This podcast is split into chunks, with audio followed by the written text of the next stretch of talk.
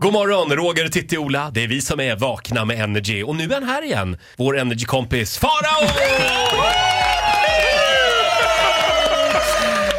Farao, hur är läget? Du, eh, det är alldeles strålande bra med mig faktiskt. Eh, vet du vad vi ska göra idag? Nej. Idag ska vi köra frågetombolan.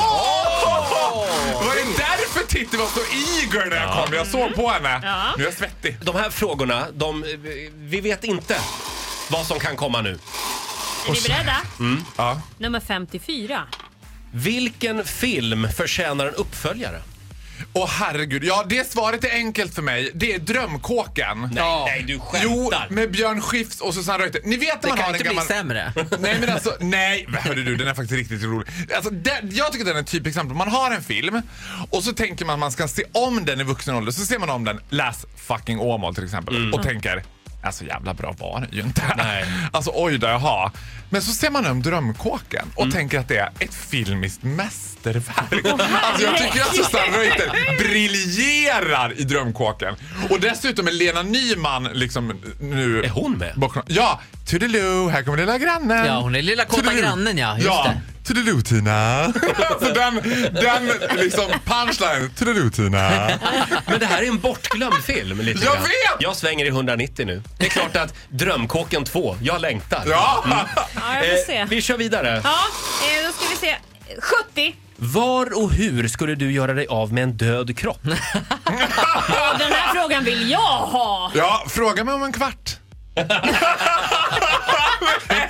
Oj då.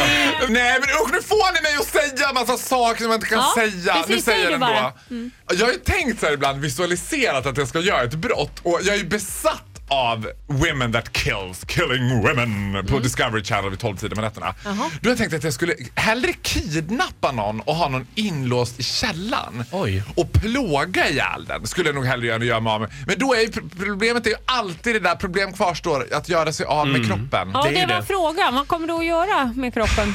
Kan man köra den i en sån här flismaskin kanske? Åh, gud. Någonting så det bara är väldigt lite kvar och väldigt Ja, liksom... det är, men det är en bra idé att stycka upp det hela. Det är det. Du, vet du vad jag tycker du ska göra? Nej. Gå hem och skissa på den planen lite mer. Ja. Jag tror att det, det För jag har låter... också tänkt där när jag låst in någon, liksom, jag, blir- att det ungefär efter så här, två, tre timmar kommer bara Jaha, vad ska jag göra nu då? Alltså att det är lite som en Mm. det blir tamagotchi man har tråkigt sitt- fort. Den där Ja. jävla fotbollskillen jag har sittande där nere i källaren. Vad fan ska jag göra med Du honom? brukar tänka så när du låser in folk Ja. två timmar. Ja, Ja. jag förstår. Ja. Nej, det blir fort tråkigt. Faro, Nej, vi har ja. inte tid med dig längre. Du får en applåd av Ja, oss. det får du. Ja, tack så mycket. Hej då! Hej!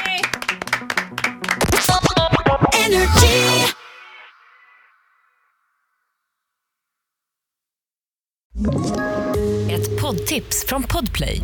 I fallen jag aldrig glömmer djupdyker Hasse Aro i arbetet bakom några av Sveriges mest uppseendeväckande brottsutredningar. går vi in med hemlig telefonavlyssning och, och då upplever vi att vi får en total förändring av hans beteende. Vad är det som händer nu? Vem är det som läcker? Och så säger han att jag är kriminell, jag har varit kriminell i hela mitt liv men att mörda ett barn, där går min gräns. Nya säsongen av Fallen jag aldrig glömmer på Podplay.